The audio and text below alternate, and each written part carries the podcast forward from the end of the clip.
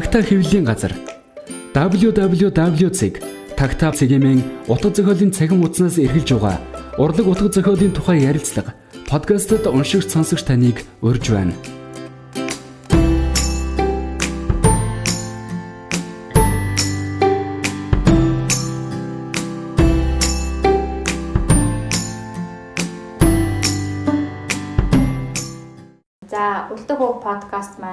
Эхэлж байна. Өмнөх дугаарт нь бид нар дур булаам гэж Бата паблик сангаас амгаас сүлд гаргасан номны тухай залрууллаа редактор Дэлгэрмаа ихтэй ярилцсан. Энэ удаа бас Дэлгэрмаа их шиг зочноор дахиж өрсөн. Тэгээ энэ удаа би тэр редакторлон ч юм уу орчуулсан номнуудын тухай ярихгүй. Нэгэнд одоо юм сайхан яруу найрагч хүн саацсных өөрийнхөө шүлэг яруу найргийн тухай өөрийнхөө номуудын тухай тэгээ ер нь яруу найргийн тухай уран зохиолын тухай уран бүтээлчийн хувьд ярилцъя гэж.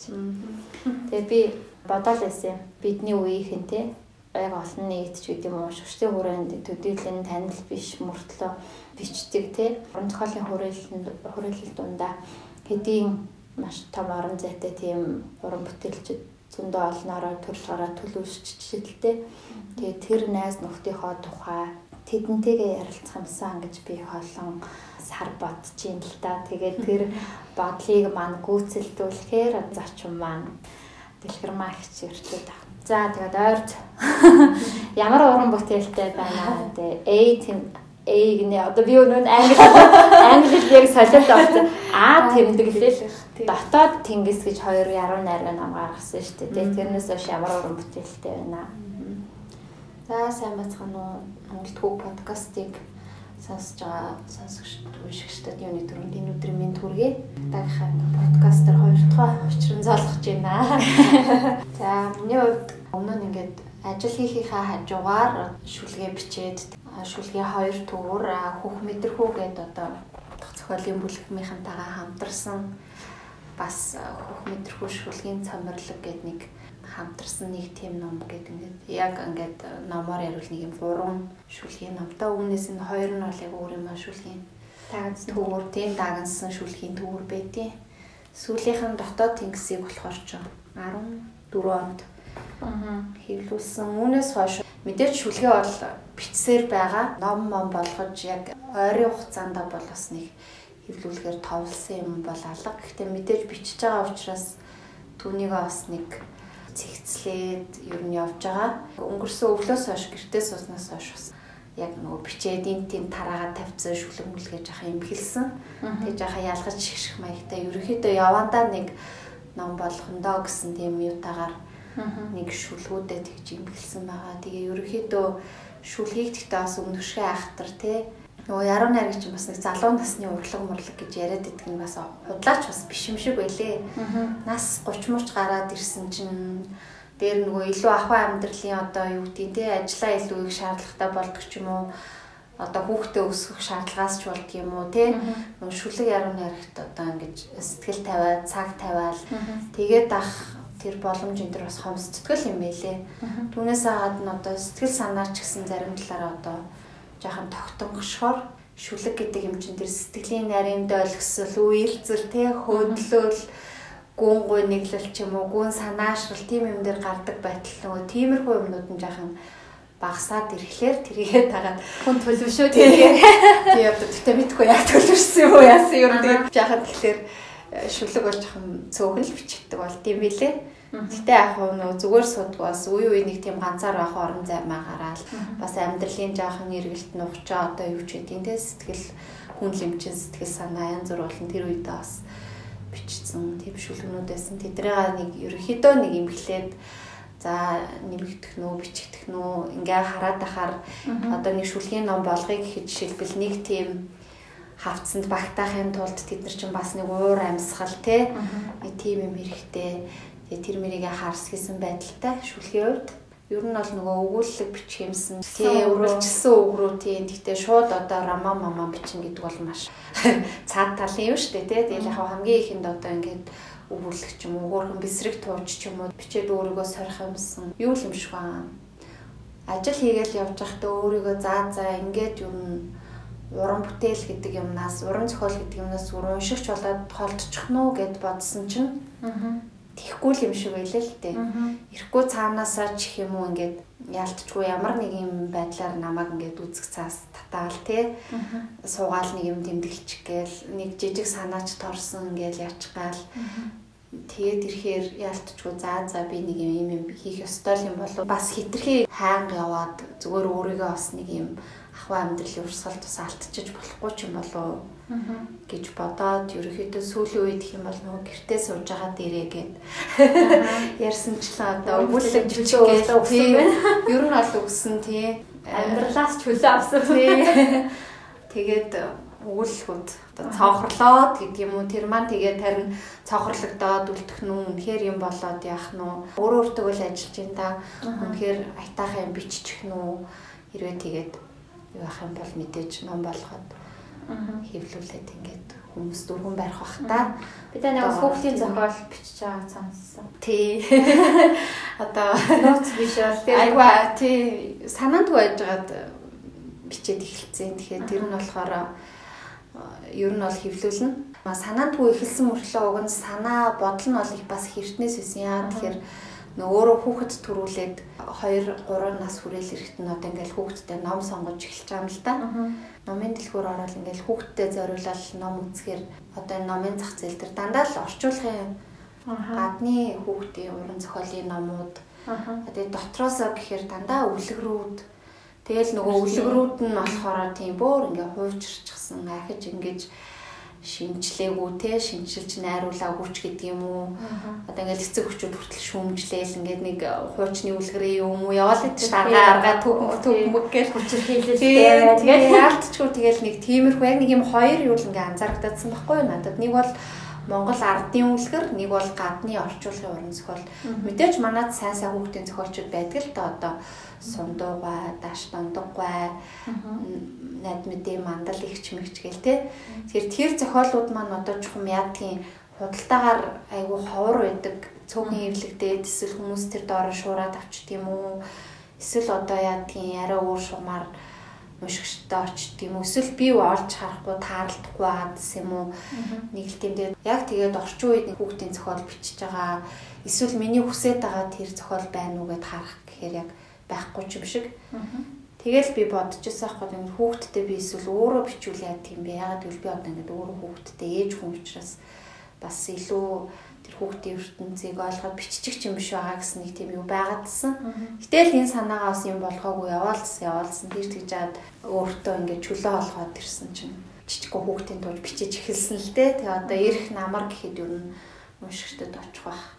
Яг хав энэ түүхэн өөр айгу хөөрхөн бас бичгүй өнгөрөөл айгу хайр. Миний амьдралд бас юм сонин мартаж боломгүй тийм нэг гоё үйл явдал гэх юм уу? Одоо миний амьдралын нэг гоё дурсамж байдаг. Тэр нь болохоор би нэг оюутан байхад санаанд өгдөө нөө зуныхаа амралтаар гэртээ арьсан чинь аав маань нэг жижиг ангирын дэгдэхээ нэг малчин айлаас аваад ирчихсэн байсан. Бөөр жижигхэн дүнгэж л ингээл гараад нэг хөл дээрээ ингээд дигдээд ээжигээ дагаа явдаг тийм хөөрхөн ялах ангирын дигдэх. Тэгээ тэр шооны дигдэхээтэй би нэг зунжангаа бүр найзлаа. Бүр ингээд өөр төрөндөө орно гэдэг шиг тэгж тэр нэг шуутай тийм бүр тэгж салж хагцшгүй тэгж байжсэн. Бүр нэг зуны турш Тэгээ намар нь ялтчгүй ойтон болол хот руугаа ирээл тэр хооронд өнөө шуу маань ээж аав дээр байж байгаа л өглийг даваад хавар нэг өөр айлд авчиж өгөөд тэг яг жоохон эмгэнэлтэй нөгөө шуу маань яг ингээд байхгүй болчихсон. Ч гэсэн жоохон эмгэнэлтэй. Гэхдээ тэр нэг зуны дурсамж бол ерөөсөө ингээд мартахын аргагүй. Яа тэгэхээр шувуу гэдэг юм чинь тэгчих хүнтэй амархан одоо тий олдоод найзалж нөхөрлөөд шувуу гаршуулад ялангуяа тийм зэрлэг нүүдлийн шувууг тий тийм боломж одоо хэр байх вүлээ те. Угаасаа гэрийн тижээвэр амтан биш. Тийм байгалийн зэрлэг тийм амтантай тэгж ижилдэж дасж исэн тийм түүхээ тийм.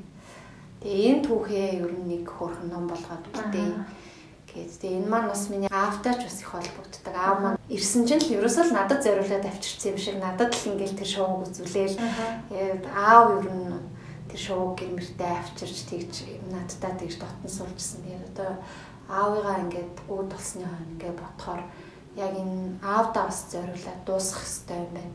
Яг бичээ явуулсан чи аав маань өвдөөд ингээд бурхан болсон. Тэгээд яхав Тэрний дараа би үргэлжлүүлэх надад айгүй хэцүү байсан аахгүй юу. Тийм юмны ард ингээд нөгөө хүүхдийн зохиол бичээд тэгэл бичих болгон тэр маань нөгөө миний аавтай очиод холбогддог турсамж. Тэгэл айгүй хэцүү. Тэгсэн хэрнээ за за би энийг өөр нэгэ бичээд дуусгах хэрэгтэй юм байна. Аавынхаа турсгалт ш тэр зориулаад Тэр гоё юм тий. Ааваасаа бол болсон аавынхаа одоо авчирсан тэр шуумны дурсамжийг охиндоо зориулж ирчихнэ гэдэг. тий охиндоо зориул бичиж. Тий тэгээд тэр тэнд гарч байгаа охин нь болохоор одоо миний охин болж хувраад тий дүрийнх нь хувьд тэнд байгаа өвөө нь одоо миний аав гэх жишээтэй ингээд тиймэрхүү нэг юм жижиг хүүхдийн бэсрэг тууж ямар ч байсан бичээд ингээ ард дээр нь гарч байгаа шиг байна. Аа тухай бид нар унших нэ. Одоо хүмүүс уншихаар одоо яа тийм бас жоохон айжлаг хүүхдийн зохиол гэдэг чинь тийм амар юм биш. Би ихлээл анх бичээд ингэсэн чинь миний хэл ингээд айгу хүүхдэд бол хүндэтгэхэр хэлтэй гэдгийг би бас Аха. ихлээ ойлгосон. Нарийн байдаг. тий ингээд хүүхд ч одоо жишээлбэл нэг тэдэс тэдэн насны хүүхдийн нэг үгийн сан тэд доторч гэдэг юм уу байдаг байхад ч одоо би тэрийг бас бодолцохгүйгээр өөрийнхоороо ингээ бичиж болохгүй ямар насны хүүхдүүдэд уншуулах гэж байгаа илээ гэдэг бодолцох хэрэгтэй. Тэгэл нэг ихний дуу цумд бичээ охиндоо уншуулж үзсэн чинь зарим үгийг огт ойлгохгүй. А заримдаа үгийг биш юм гэхэд нөгөө миний найруулгыг ойлгохгүй энэ юуг ингээд хэлж байна гэд те. Тэгэхээр хүүхдийн зохиол гэдэг бол ерөөсөө ямар ч тийм илүү дутуу юмгүй хэрнээ.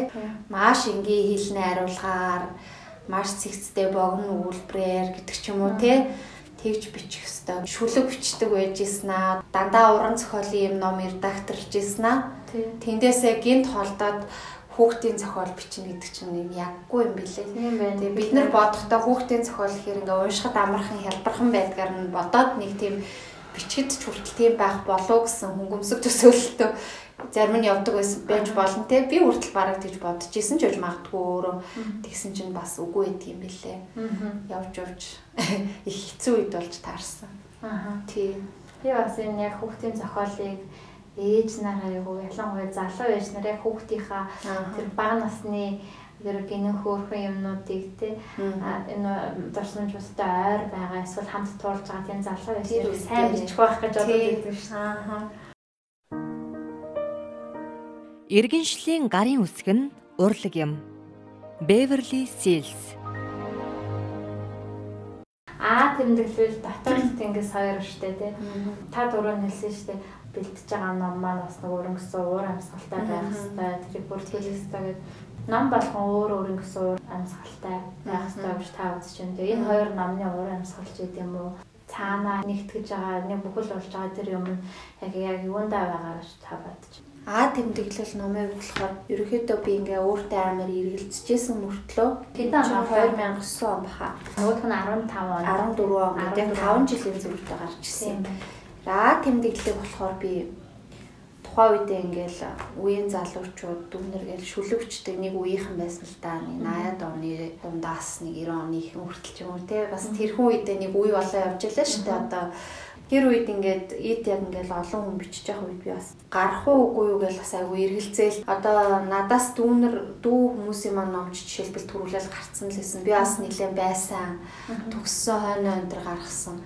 Тэгээд өөртөө бас жаахан итгэхгүй л те би одоо ингээд шүлгийн ном болгоод яхад одоо шүлгүүд маань болох болов ч юм уу те тэгээл байжсэн. Тэгээд тэгсэн чинь чойжилж авын бэлэг сайхан гэдэг Монгол Улсын их сургуулийн утга зохиолын онлын багш те судлаач хүмүүжлэгч бэлэг сайхан гэж аа, багшаар би бас утга зохиолын онол заалгаж ирсэн. Тэгээд за ямар ч гэсэн нэг голтой үнээр ихлэд харуулчих гэж одоо бэлгийн агш дээр номоо хавцлаад аваад утсан чинь.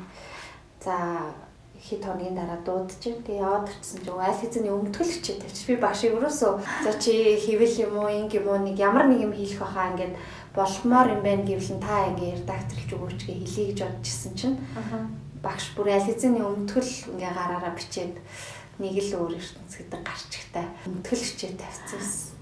Тэгэл би заа заа ингээ багш өмтгөл хичээ тавьсан байхад ч одоо би юу хэлэх вэ те Тэгэл өмнөдөө миний аавчсан шүлгүүдийг өрөөсөө шигшиж барайгүй чи энэ чигээр нь ингээл хөвлүүл үнэхээр чи бол ингээд нэг бүхтэн ном болох дайны чи юм бэлтгээд ирсэн байна.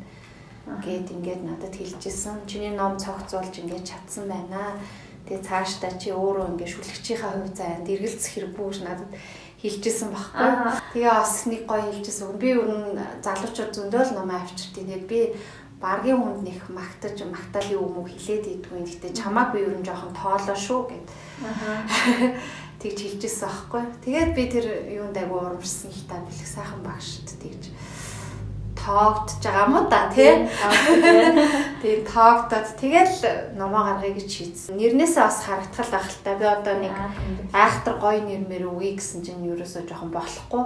Тэгээ за миний анхны ном тий шүлгүүд маань миний хувьд одоо нэг бодлын бас тэмдэглэл ч юм уу, бодлын маань тэмдэглэл ч юм уу, сэтгэл мэдрэмжээ ч юм уу тэмдэглээд үлдээсэн хэрэг гэж би өөртөө ойлгоод тэг яг анхных гэдгээр нь а одоо юу н айлбад хилний цагаатлахаа авс гэрэл хэлдэг тий. Тэгээд тийм утгаар наа тэмдэглэл гэдэг ийм нэр оноочихсан юм байна. Тэгээ бид нар нэргээл одоо Б тэмдэглэл Б тэмдэглэл таана гэдэг 35 ном гарах уу марах уу ч юм уу. Дараагийнх нь Б тэмдэглэл байх уу гэдэг. Яг инээлтдэг байсан шүү дээ тий. Бас нэрээ энэ номыг чинь юу яажсэн. Аюур зан зохиолчд одоо өөрөө сандаг бол орсон. Тэр үедээ нөгөө манай наран гэрэл, манай хүүх мэдрэхүүн наран гэрэл чи аюур ахт уншуул гэд. Тэгээд би нэг мэйлэр явуулж ирсэн. Тэгээд тэгсэн чинь аюур занах уншчаад ингээд над руу хариу мэйл бичсэн юм л та. Тэгсэн чинь гол нь тэр маань одоо миний спам руу ч орсон байсан юм уу? Ямар нэгэн байдлаар миний инбокст орж ирээгүй. Тэгээд би тэрийг огт мэдэхгүй ингээд надад ерөөсөө хариу ирүүлсэн. Би амар муу шүлгөө бичсэн байж гээд. Нараад хэлэхгүй? Яна би ингээ аюур занах руу явуулсан чинь надад ямар ч хариу өгсөнгүй. Гэтгсэн чинь надад утсан нөгөөд чи яриад үзээ зүгээр ингээ өөрөө яриад асуучгаа нэг нь уншуулсан юм чи нэг юм дуулцсан дээр шиг утастай нүгдэг байхгүй юу. Тэгэд би тэр үед нэг жижигхэн сонины газар ажилладаг гэсэн. Тэгэл ажлынхаа утсаар өөрөө ингээл за нэг орой байсан юм а залгсан чи аяа аяр занах Оо уншсан штэ уншсан ш. Би чамд ингээ хариу явуулсан да гэдгсэн чи. Оо ирээгүй ясаа байсан ингээл би ингээл амар сандраал анх уцаар ярьсан чи. А ерөнхийдөө бол таалагдсан шүү миний дүү гэд. Тэгсэн багхгүй. Тэгэл би тухайн үед бол одоо юу ч хариулсан санахгүй. Нэг л сандарч исэн юм да. Тэгэл аа за за баярлаа баярлаа гэж тэгсгээл салгасан баг. Тэгээ ямар ч гэсэн нэг юм хоёр хүнд бол урьдчилаад харуулсан байдгийн. Энэ номын түүхэн тийм мартуулсан байдаг. Тэгээд тийм тэгээд тийм аюур зан зохиолчд уншуулсан энэ гэдгээ бол ер нь нэг чамд ч баг нэг ярьж байгааг бах. Нараа бол тийм мэдж байгаа. Нэг тийм түүхтэй. Тэгээ энэ ном маань мэдэрхүү хөх мэдэрхүүгээсээ нэлээ их ярьлаарсан. Тэгээ ихийнх нь мэдхгүй байгаа. Тэгээ хөх мэдэрхүү бас нэг тийм ядаргаа тий юу яа. А тэгээ тодруулаач. Нөө хөх мэдэрхүү гэдэг юм бүлгэм одоо би чинь 2000-ад оны оюутан гэх юм уу тийм ээ 2006 онд би дээд сургууль төгсөж исэн. Тэгээ тухайн үед нөгөө сургуулиуд дээр яруу найргийн дугуулan аягүй хичээлдэг болж исэн үе л дээ. Одоо өмнө нь ч бас мэрсэр байсан л ах. Гэхдээ яг тухайн үед бол нэг одоо илүү эрчимжиж ингэж утга зохиолын сургалттай сургууль болгон дээр нэг дугуулангууд эрчимжиж исэн. Одоо би болохоор утга зохиолын дээд сургууль төгссөн. Тэнд болохоор гал урсгал гээд жижигхэн дугуулаа ажиллаж байгаа жишээтэй. А мөс дээр мөсийн утга зохиолын нэгдэл дээр түшгэлсэн бас том дугуулан явдаг. Улаанбаатарын их сургууль бас нэг дугуулантай байсан юм а би одоо нэрийг санахгүй байна гих мэтчлээ одоо утга зохиолын сургалт өгдөг сургуулиуд дээр бол ингээд жижиг жижиг дугуулангууд анх сэрэгжсэн үе. Шүлэгчдэг залуучууд ч бас олон гэх юм уу да одоо тий. Яг ингээд сонирхоод бичдэг залуучууд маш олон. Одоо бичдэг хүмүүс чинь шүлгээ унших нэг нэгэндээ унших тий. Нэг нэгнээс бас үнэлгээ авах гад байдаг тий. Тий. Хэр бичээд байна хаана байна. Тэрийг яг хэрэгцээ нь хэрвэрсэн нэг сургуулиуд тойроод болдог хэдэн оюутны шүлгийн наадам эсвэл нэг дугуулan а тэр шүлгийн наадмаасаа илүү дугуулan ямар ач холбогдолтой юм чинь тэнд чинь сайхан нээлттэй мэтгэлцээ явж идэг те. Шүлгээ уншаал тэрийг араас нь яриад ингээд а баг юм хэлэлцүүлэх шиг ч юм болж ах шиг. Тэгээ дээр нь шүлэгчөө өөрөө бас уншижээж шүлэгчдэг юм чинь шүлгээ сайхан унших. Бусдад уншиж хүргэх энэ чинь бас яалтчгүй нэг тийм гоё юм шүү дээ тий шүлгийг уншиж хүргэх энэ чинь Тэгээ тийм тийм хэрэгцээ шаардлагууд төр дугуулангууд байгууллагатад ингээ явдаг байсан. Түүн дээрээс үндэслээд ингээд 90-ад онд одоо хүрээ хүүгүүд зүс бүгэг андууд гэдэг нэг юм хүчтэй бүлгэмүүд гарч ирж исэн шиг тэр одоо уламжлалыг бид нэр одоо ингэж дугуулангаас сэргээсэн дээрээ дагсан ч гэх юм уу те бүлгэмдэж гарч ирсний анхных нь бол одоо манай хүүх мэдрэхүү байдаг. Тэгээ бид нар чи яаж нийлсэн гэхээр айгүй сонь. Жишээ нь би гэхэд утга зохиолын дээд сургуулийг төгссөн. Буур төгсөөд ингээд оюутан биш болцсон. Тэгээд юу зохиолчдын орооны утга зохиол урлаг сонд нэг ажилтдаг тийм охин явж байгаа байхгүй юу? А тэгэхэд энд бол одоо манай баясаа, баяраа наран гэрэл гээд мөсийн залуучууд Баясаа гэдэг нь би. Тийм баясгалан маань тагтагийн баясаа. Тэгээд утга цохиолын дээд сургуульд сур тэр үед суралцж байсан хатан буй отор оргил гих мэт залуучууд. Аа нөгөө талаас шүтээсээс штэ тий хангал гэдэг нэг сайхан хангал залуу. Мөсөөс. Тий, мөсөөс илүү өө шүтээс гээд андуурчлаа. Тий, тий мөсийн юу нэ физик физик электроникийн тэгмээс. Тэрийг би шүтээстэй андуурч. Өбисэс тий улсын багш их сургуулиас илбэх төгсгээд ийм залуучууд дугууланд явдаг байжээ. Тэр үед би болохоор төгссөн мөс утга цоолын дугууланд мэддэг ч гэсэн нөгөө оюутан биш учраас очтгүй.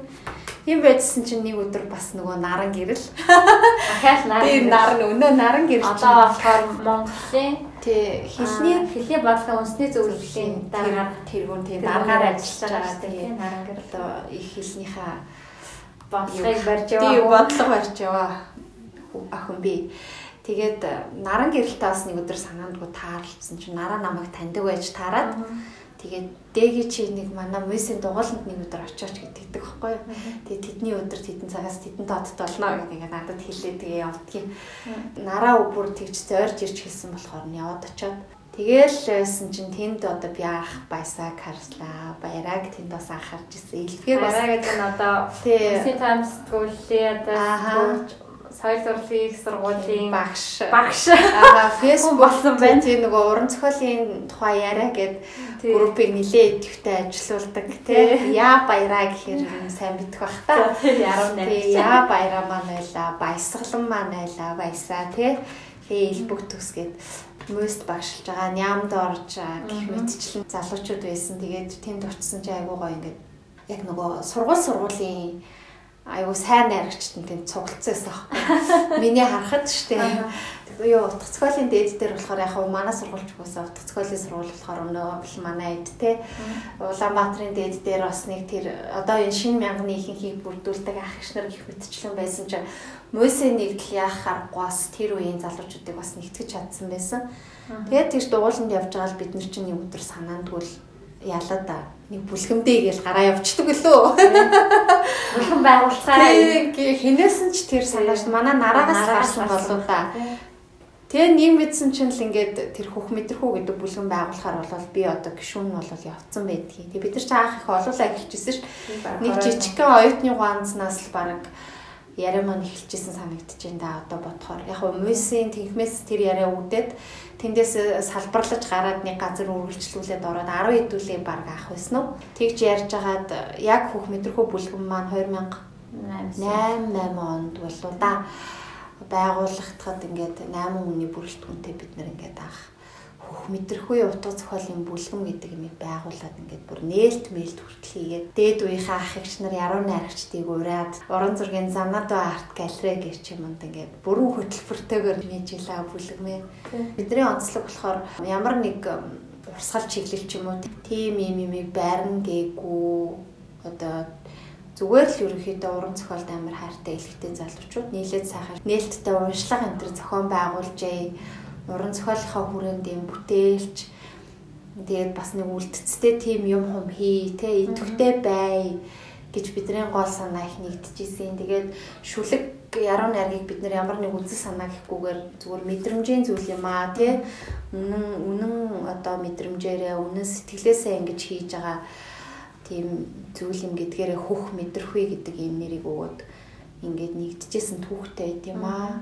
Тэр хөх гэдэг үг нь монголчуудын бэлэг хөх бэлэг гэдэг үгийн тий одоо хүүхдээ ингээд гэл ингээд тэр монголчуудынхаа тэр бэлэгдэл дүнгийг аваад мэдрэхүй гэдгээрээ ерөөхдөө уран зохиол яруу найраг гэдэг бол тий мэдрэмжийн урлаг юм а гэдгийг тунхаглаж ингэж хөх мэдрэхүй гэдэг бүлгмийг үүсгэн байгуулжсэн. Тэр маань одоо бидний хувьд бүлэг нэгдэл гэхээсээ илүү их сайхан найз нөхдийн хүрээлэл болоод үлдсэндээ одоо ингээд уран зохиолын ертөнцийн өмнө ч яваад би бинийгээ дэмжиж ингээд насан туршийн одоо юм сайхан уран бүтээлийн амьдралын найзууд болоод явах тэр эхлэлийг ингэж тавьж өгсөн. Тийм болохоор би энэ бүх мэдрхүү бүлгнээс дурдж ярих дуртай байдаг. Угаасаа бас амьдрал тохиолдсон сайхан үйл явдлуудын бас нэг. Тэгээд бид нарыг дагаад араас гол нь маш олон бүлгмүүд гарч ирсэн байдгийн тийм ээ. Шинэ өвнөр, язгуурын бүлгэм, одоо доошоо ч гэсэн дүүнэр хаст орн морно гэд бүлгмүүд гараад ирсэн байх шиг хүсэн. Тэгээ бас яг ажиглагддаг юм яг л бид нар шиг те. Цэвэр ингээд сайхан уран бүтээлийн юм юу вэ? Одоо чинь хүрээ өгөөдөө ах нар бол одоо ингээд үзэл санаагаараа маш хүчтэй нэгдээд хүчтэй шүүмж энэ төр бичээл те. Зүс бүгэг андуудынхан болохоор бас нэг тодорхой нэг юм уламжлалт мөртлөө сэрэл мэдрэхүүн нэг тийм онцлог тийм бүр ялгарсан бүтээл төрөвчсөн. Гунуу гингүүт одоо дашвал бургаан өдөртлөхдор те гол ус намуухан урсан гэдэг одоо тийм уянгийн сэрхүүн тийм бүлгэн байсан бол бишүү би тийм бишүү би гэд байна. Тэгэхэд биднийх болохоор илүү чөлөөтэй. Аливаа нэг ижил талаараа нэгдэг ихгүйгээр цэвэр ингээд шүлэг бичих шүлэг яруу найрагт үнэхээр хорхоотой тийм залуус цэвэр найз нөхөрлийн юм дээр нэгдэж ингэж гарч ирснээр жахан онцлог. Тий арай өөр. Арай тий илүү чөлөөтэй. Тий. Тий тэрийг төрнөх хүмүүс тий ёстол тэгсэндээ тэгж гарч ирж исэн юм аа. Тийм хөх мэдрэхүү бүлэгмийн тухайд бол тий тэгээд энэ тийм хөх мэдрэхүү бүлгэн байгуулагдсны дараах энэ аа тэмдэглэж шүлгийн түүрээ гаргачихсан юм. Энэ маань бол одоо ахтай ингээд шүлэг хүчиж эхэлж байхад угаасаа за би юу нэг ингээд хойшоо шүлэгч байж чадах юм уу өгөө мө те би өөр нь гайгүй шүлэг бичиж чадж гин үү үгүй юу те ингээд ном болгоно гэдэг чинь нэг талаараа хүнд ингээ уншуулах гэж байгаа учраас бас багахан хариуцлага мэдээж байж таарна. Тэгэхээр тэр зэргийгээ одоо шийдэх гэж анхны номоо гаргаж байгаа болов уу гэж би бас боддог байхгүй юу. Тэгээ тийм учраас бас зориглож бэлэг сайхан багш ч юм уу том хүнд уншуулж агаад бас нэг юм сонсож ээж гаргая да гэж ингэж гаргаж ирсэн. Тэрнээс бас дэгэж дөргөөд би одоо яруу найраг бичиж байгаа яруу найрагч эмгтэй шүү гэж одоо ингэж бол гарах тийм юу байхааргүй их даруй байж те тэгээд бэлгээ багштай үнэлүүлээд тэгээд аюур зан хахаас бас тэгээд таалагдсан шүү сайхан шүлгүүдэлээ гэдэг үг сонсчоод бас тэгээд энэ номыг бэлтгэж ингэж гаргаж ирсэн. Энд одоо хамгийн анхных нь ихэд 5 оны шүлэг байдаг хаа 2005 оны. А 3 оных юм байна. Эннээс өмнө ч гэсэн надад бичсэн шүлэг зөндөө байдаг. Тэгээ яагаад энд 2003 оноос хойш оруулсан гэхээр би чи 2002 онд оюутан болж ирэл утга зохиолын дээд сургуульд орсож ирсэн ингээл булан тохоо олгонд л ингээл шүлэг уншаал гараа гэсэн ийм хүмүүс. Бүр ингээл сургуулаараа яруу найрагч бүр нэг юм амар орчинд яваал орсон ч би шууд сүрдсэн байхгүй юу.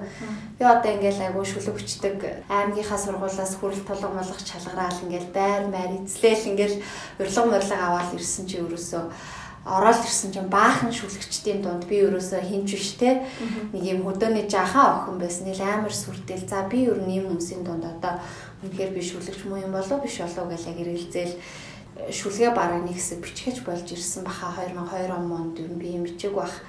Тэгээ 2003 он 4 он ч гэсэн маш цөөхөн бичсэн. Жишээлбэл энд 2003 оны 2 шүлэг байх жишээтэй тий. Тэгээл 5 оноос хэд бас нэг хитгэн шүлэг гэх жишээтэй. Тэр ерөөхдөө тэр хөдөөгийн орчноос бас хотод орж ирээд тийм ээ оюутан болоод бас тодорхой хэмжээгээр номын дуу сонссны дараа тодорхой хэмжээгээр жоохон уншаад өмнөх үеийнхэн маань юу бичээд байгаа юу бас үеийн залуучууд юу бичиж байгаа юм? Тэр дунд жоохон орсныхаа дараа бичсэн шүлгүүд яг энд байт юм а хэдэн анхны ном мөртлөө анхны шүлгүүд нь төдийл ороогүй гэсэн үг Одоо 4 5 дугаар ангиас бичсэн шүлгийг ч одоо юу хурж авах үгтэй шүлэг байгаа. Гэхдээ ингээд 9 10 дугаар анги 1-р курс 2 дугаар курсын шүлэг гэхэд баг байхгүй гэсэн үг. Нэрээ энэ номын тухай ер нь огт өмнө ярьж байгааг болохоор тийм юм биш үү?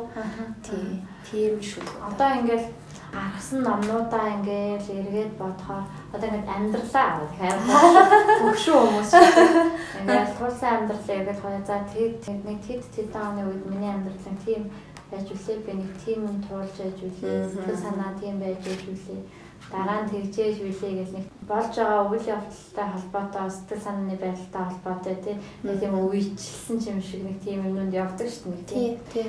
Тэгээд одоо ингээд номнуудаа хараад харсан нэг тэр энэ номыг ингээд бичиж яхад би нэг тийм юм голчлон мэдэрч байж үлээч гэдэг юм те. Тэр мэдрэмжүүд ч юм уу номыг ингээ уур амьсгалыг бүрдүүлдэг ч гэдэг. Тийм яг ингээд аа тэмдэглэл дотоод тэнгисийг ингээд ингээд та яг эргээ бодохоор яг яаж мэдрэгдэг одоо нэг Миний амьдрал нэг тиймэрхүү л уй байсан да. Тэгээ тийм болохоор ширшүүлгүүд маань тиймэрхүү байсан да. Аха. Тий. Тэгэж тодорхойлвол одоо яг ямар хуу амьдрал яг ямар хуу уй байх вэ? За тэмдэглэл бол яг нэг хөдөөний хүүхэд хатад орж ирээд тий. яг соёлын шоконоос гараад өөрийгөө олоод яг үнэн. Тий тийм үед. бэргээ цочроо гараад. Яг яг. Тий тий. Тэр үеийн юм байна тий тэр үеийн тий ерөнхийдөө би нэг иймэрхүү шүлэг бичих юм байна гэж өөрөө олж байсан ч одоо эхэлж байгаа л үе юм уу да. Өөрийгөө нэг арай өөрөөр илэрхийлж эхэлсэн үе маань гэх юм. Эсвэл өөртөө арай ихтгэлтэйгэр ч юм уу тий. Одоо бичиж байгаа юмдаа арай ихтгэлтэйгэр ч юм уу тий. Гэтэ мэдээж энд бол анхны ном учраас одоо ингээл эргээд харахад зүгээр л за энэ шүлэг жоохон арай дүүнер мөнөр уншихад одоо нэг үхлийн тухайн хамааг бичсэн жаах шиг нэг тийм шүлэг мүлэг явж л хэдий. Одоо болохоор ингээ харахаар за одоо үхлийг ч бас ингэж ухаарахгүй байх та ч юм уу те бодогдно яг тухайн үедээ бол яхаа яаж байгаа бичсний бүү мэдтэй тэгээ орцод а тэмдэглэл бол тийм ерөөхдөө их тодорхой. Тий. А дотоод 5 жилийн дараа ямар байх вэ? Тий 5 жилийн дараа 14 онд би дотоод тэнгис гэдэг номыг бас нэлээд уншиж гаргасан юм уу. За тэгээ энэ үед болохоор одоо хамгийн тод харагддаг нь надад ч бас 2 3 хүн хэлж исэн. Дотоод тэнгис дээр бол одоо ингээд ээж болсон тий. Одоо эмэгтэй хүн бол ээж болж ээж одоо ингээд жинхэнэ одоо утгаараа бүрэн цогц одоо юм эмэгтэй хүн гэдэг тэрнийг юунд ингэж очдөг байх. Тэгээд өөрийн чинь энэ номоос бол ингээд ээж болоод эмэгтэй хүн болсон тэр юг ингээ олж харлаа гэ 2 3 хүн надад хэлжсэн. Магадгүй нэг талаараа үнэн бах угаасаа миний шүлгийг бас хүмүүс ярьдаг л да одоо хитрхи хувийн те. Хүн ямар нэг юмны тухай хөндлөнгөөс ч юм ингээд ямар нэг үзэл санаа ингэж бичдэг бол би бол жаахан магадгүй илүү тийм хувийнхаа мэдрэмжийг шүлэгтээ илүү даалгавгүй уудалдаг. Тий өөрийнхөө л би юу бидэрч тэмтэрч юуг мэдэрч тэрийг ингээд шүлгэндээ би бас үнэхээр ингээ уудлаад баг өөрийгөө илчлээд гэх юм уу тийм ээ. Тэгээ биччихдэг. Тийм болохоор эндээс одоо хүмүүс жишээ намайг ээж болсныг мэдсэндээ тэгээд ямар амьдралын ард ингээд ээж болоод хүүхдээ тэрвэрэд ингээд үлдчихэж байгаа ч магтгүй ингээд харагдсан баг. Тэгэхээр дотоод тэнгис гэдэг нэрийг ч гэсэн санаандгүй бас өгөөгүй. Ямар ч гэсэн эхний одоо тодорхой зүйл юм бол би ээж болоод улмаар ганц би ээж болоод тийм ээ ийм амьдралынх маань ийм үеийн дараа гарсан ном. Яг тухайн үед биччихсэн одоо хүүхдээ тээж явахдаа хүүхдээ төрүүлсний дараа гэх мэтч тийм үедээ бас магадгүй ганцаараа жоохон ганцаардаж байсан тий. Тийм үеийн мэдрэмжүүд илүү туссан жоохон гойнигтай. Гойнигтай мөртлөө эсрэг талдаа жоохон өөрөө өөрийгөө ингээд аваад цаашаа амьдрахаар ингээд нэг гонигтай мөртлөө хүчтэй ч юм уу эсрэгээрээ те гониглах тусмаа ганцаардах тусмаа жахан сэтгэлийнхаа хүчийг ингээд олоод шахаад ингэж байгаа нэг мөлхөөд байгаа юм шиг мөртлөө босоод байгаа. Жирхэн тухай. Нэг тиймэрхүү шүлгүүд орсон болов уу гэж би боддог унаад байгаа мөртлөө ард нь босч ирэх гээд байгаа тий мөлхөөд байгаа мөртлөө бас жалхаад байгаа удаад удаашраад ухраад байгаа мөртлөө урагшлах гэж байгаа мөн нэг тийм амьдралын маань хүүхэд гэж юм байгаа тийм нэг тийм тийм нэг босгон дээр бас ингээд бичигдээд гарцсан ном байт юм аа. Хойлоо надад сонсож байгаа хүмүүст яг нэг ямар ямар номнуудын тухай яриад байгаагаа жахаа илүү ойлгомжтой болох. Нэг нэг шүлэг дурд идэхгүй. За тэмдэглээс нэг батаад тэнгисээс нэг тэгэж гоё уншдаг. Ямар юм унших вэ? Аа тэмдэглээс шүлэг унших хэрэг бүр. А энийг уншчихдаг юм уу? Цаг хугацааны нүлмэс шиг би. За яг энэ шүлгээс бол яг миний тухайн үед одоо сонирхож өччихсэн шүлгийн хэлбэр ч юм уу а өнгө айс маань жоохон харагдчих магадгүй юм ч та сонгочлаа. Цаг хугацааны нулимс шиг би цагаанч биш, харч биш. Өнөөдөр маргааш ирээдүй өнгөрсөн болоод одоо би хинч биш би би цас шиг цагаан мөс шиг тунгалаг нулимстай царай минь сарных шиг цонхгор нарных шиг улбар үснээс минь үхэл бас амьдрал химээх тэр нэг цэцгийн үнэнч болоод содон үнэр үргэлж. Цаг хугацааны нулимс шиг би царай төрхмөн ээжийг шиг бас аавынх шиг үлгэр хилүүлдэг баг насаан би үхэлтэй ярилцаж өнгөрүүлсэн. Бидний яриа мөнхийн би одоо ч үхлийн нүдийг сандаг. Цаг хугацааны нулимс шиг би цас шиг бороо шиг өвөл шиг өвлийн тэнгис шиг гүндээ дулаахан өөрөө би цээжин дотроо өнөд гониглан үлэмжийн халуун зүрхмэн л харин дандаа. Үхэл үхэл үхэл гэж цогловч амьдрахын чанад руу алдуурсан. Аяа би цаг хугацааны нулимс шиг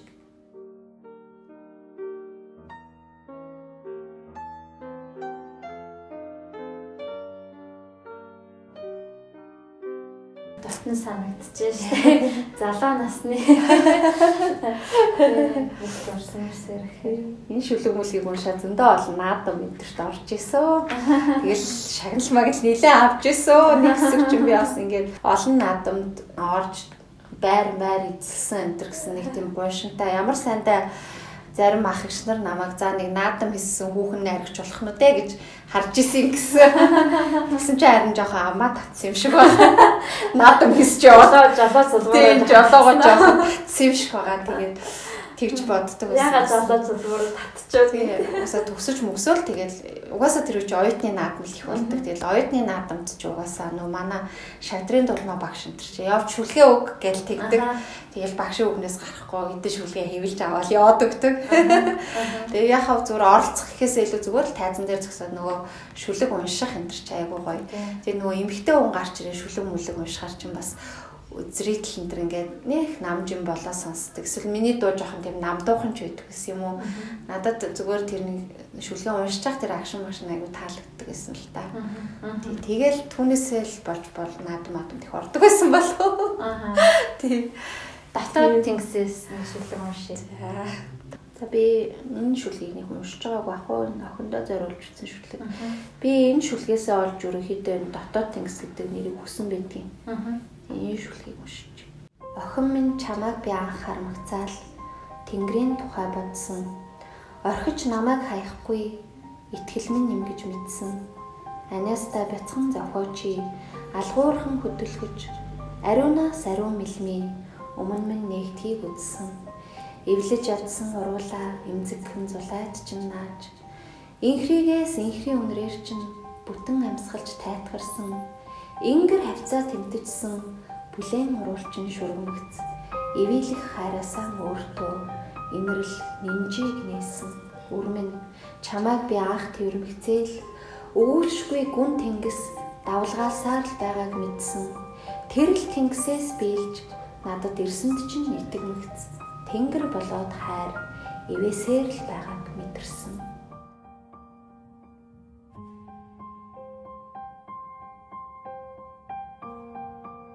Эхний уншсан шүлэг дээ тий. Одоо А тэмдэглээс уншсан шүлэг. Бид нар ингээд залуудаа гэдэг 20 хиттэй дээ тий.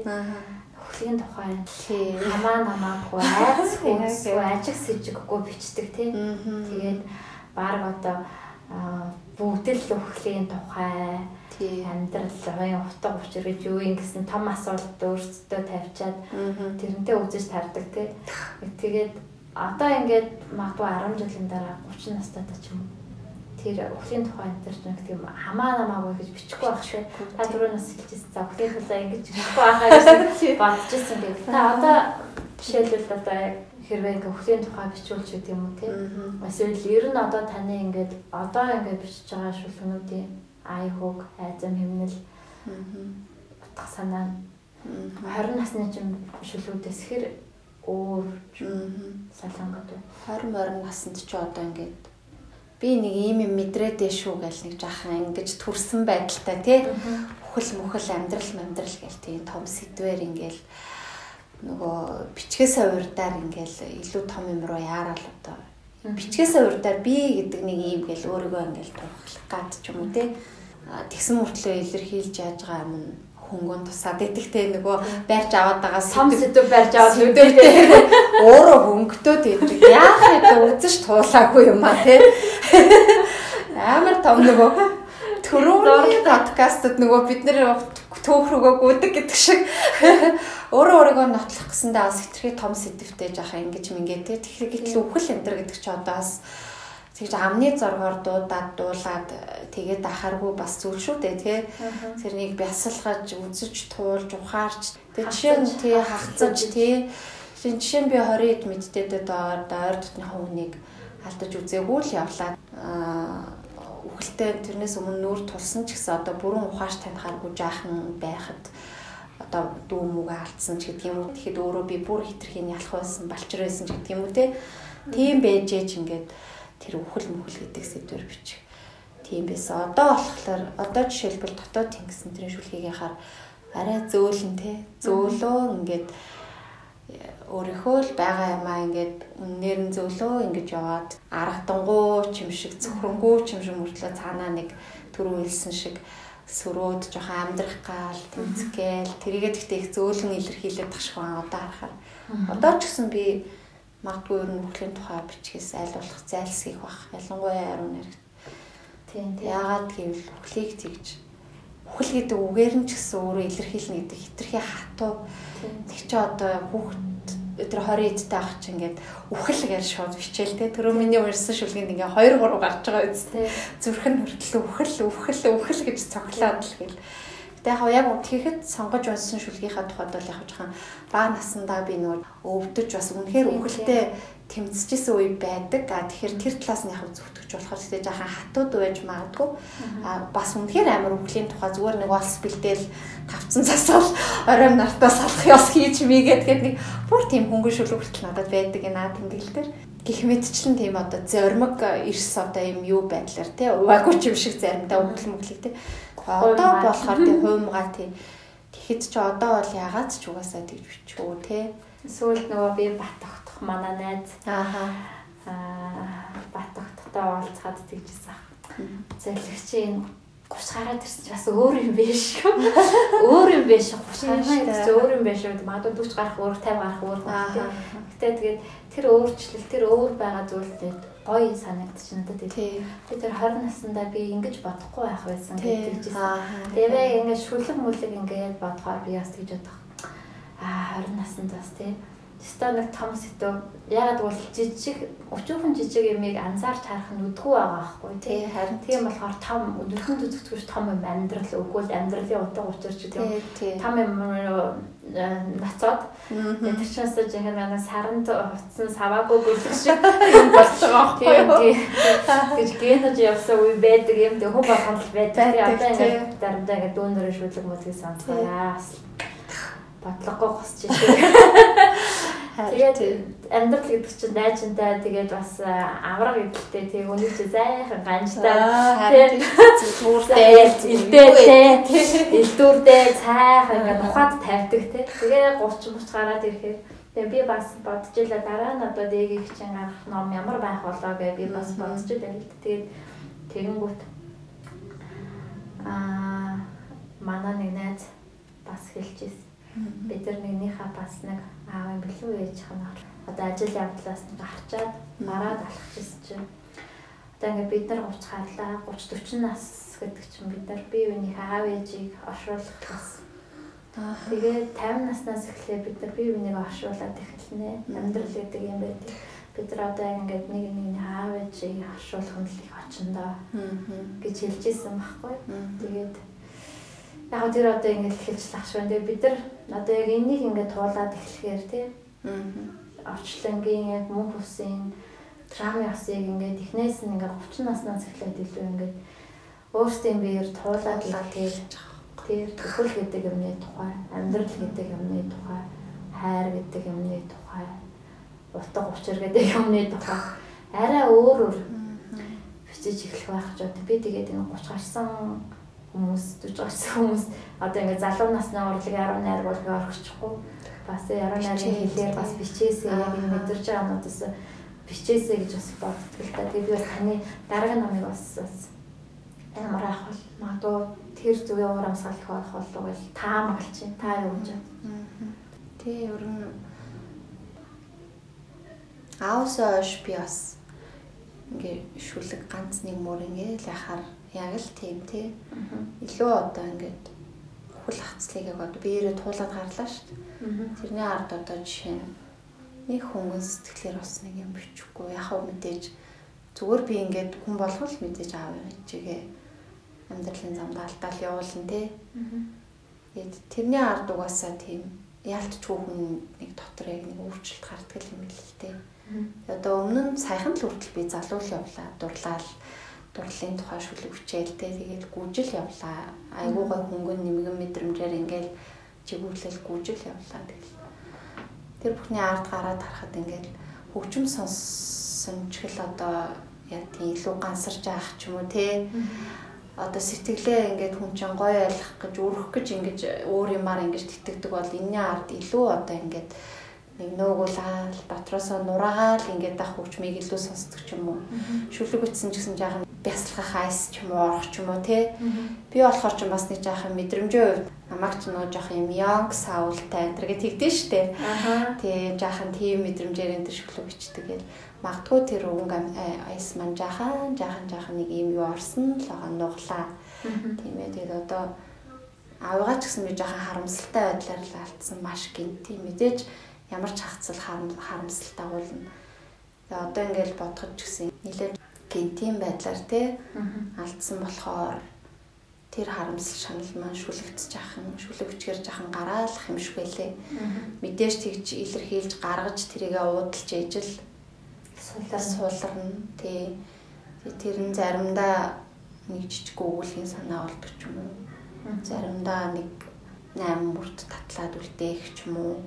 Магадгүй арай жахан үтэлсэн. Дотроосоо ингээд нэг нураад жахан эвдэрсэн дутуу болсон. Тэрнийхээ хаяраар эргээд жахан ухаарсан ч юм уу те бясалгасан тиймэрхүү арай буйртай дэлгэр маарах юм болов. Та түрүү нэг хэлсэн шүү дээ би ингээ өөрийгөө бичдэг гэж өөрийгөө бичдэг гэж. Зарим хүмүүс энэ таны шүлэгтэйгээ энэ үйл явдал таны амьдрал жинхэнэ тохиолдсон нь болохоор үгүй надад хамаагүй миний хувийн амьдралтаа хамаагүй шүү энэ шүлэг бол гэдэг ингээд шууд тасдаг гэдэг шүү дээ тийм хэтэрхийг алдар нэг тэгж хэлэхэд хөргөж магадгүй л дээ яг таны хувьд энэ шүлгүүдээ таны амьдралтай таны амьдарч байгаа түүх тийм амьдарч байгаа юмтай яг ингээд personal ингээ хувийн юугаар ингээ холбоотой юу ер нь бол миний ихэнх шүлгүүд л тийм. Нөгөө дандаа л нэг сэтгэлээ удалсан, мэдрэмжээ удалсан тийм шүлгүүд угаасаа хит хувийн те. Ерөнхийдөө бол ихэнх нь тийм дээ. Одоо шүлгийг жишээ нь ингээд одоо ямар нэг юм зохиомл зүйл шиг бодож төлөвлөөд одоо зохиолыг бол бас жоохон шугам мугам гаргаад бичиж болно шүү дээ тийм. Миний шүлгэнд бол жишээ нь тех боломжгүй болов. Би бол ер нь яг л цэвэр өөрийнхөө л үг голдоо бичдэг. Тэгээ цаашид бас яахыг мэдэхгүй санаа ч юм уу нэг юм давмгаалах цагт шүлэг тэгж бичигдэг ч гэж магтгүй. Тэгээ залуу насны шүлгүүдээ бол би яаж ч өөрөөсөө салахаагүй яг л ингээд гуниглсан бол гуниглсан зөвхөр чаналаад бүтлгүүд дурлсан бол яг тэрийгээ ч юм уу те. Тэгэл бичсэн яг л харагдчихийдэг. Тэгээд ер нь бол дотоод тэнгисээс. Тэгэхээр шүлэг бичин гэдэг одоо энэ жишээ нь яг ямар хэрэгцээнээс үүддэг зүйл юм бэ? Тий. Өөрийгөө зовж байгаа шаналж байгаа бүтлэхүү дурлалж байгааг үг болгоод бусдад уншуулна гэдэг яг ямар хэрэгцээ тий. Ямар хэрэгцээ байх вэ? Одоо харин тэр айгу сонир л доо тий миний одоо бүтлэхүү дурлах тий. хамаатай юу уг нь бол тийм ээ. Одоо ингээд би болгож бичиж байгаа миний юу боловч би энийг бас нэг тодорхой хэмжээр уран сайхны одоо уран зохиолын нэг арга хэлбэрийг ашиглаад ингээд нэг төрөл зүйл одоо шүлэг гэдэг төрөл зүйлээр яг илэрхийлчлээ. Энэ нөө мэдрэмж гэдэг юмар л одоо зөвтгөл болох юм болов магадгүй надтай ижлэхэн зүйлийг мэдэрч амсаж яваа хүн миний нэг нэг бүтлгүүд дурлсан охин миний нэг шүлгийг сөхөд харахад аа гэд нөгөө мэдрэмжтэй давхцаар ингээд арай тайтгардаг ч юм уу те? Гунигэлжсэн бол илүү гунигэлдэг ч юм уу те? Эсвэл жаахан амьдралд итгэмээр байсан бол аа гэд итгэдэг ч юм уу. Яг миний шүлэг яг л тэгжил хүнд очиосоо л гэж би боддог доо. Тэрнээс а яг нь надад мэдээж бичих хэрэгцээ байна. Яа тэгвэл би бичиж илэрхийлж чаддаг хүн байл та тий.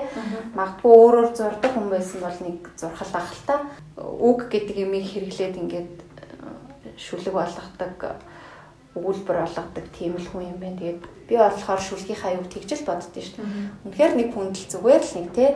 Миний санаанд нэг шүлгийг сөхөд харахаар Аа за тэр нэг сэтгэлт нь хань болж идэг те. Мэдрэмжээ нь илүү жаахан хөглж идэг ч юм уу те. Тэгвэл тэгэл одоо шүлэг бичдэг одоо ном болгоо хийлүүлсэн юм зорилго зүгээр л тэр юм болов. Тэрнээс одоо амар үзэл санааны яруу найрагч байхыг ч юм уу яруу найрагч байх гэж.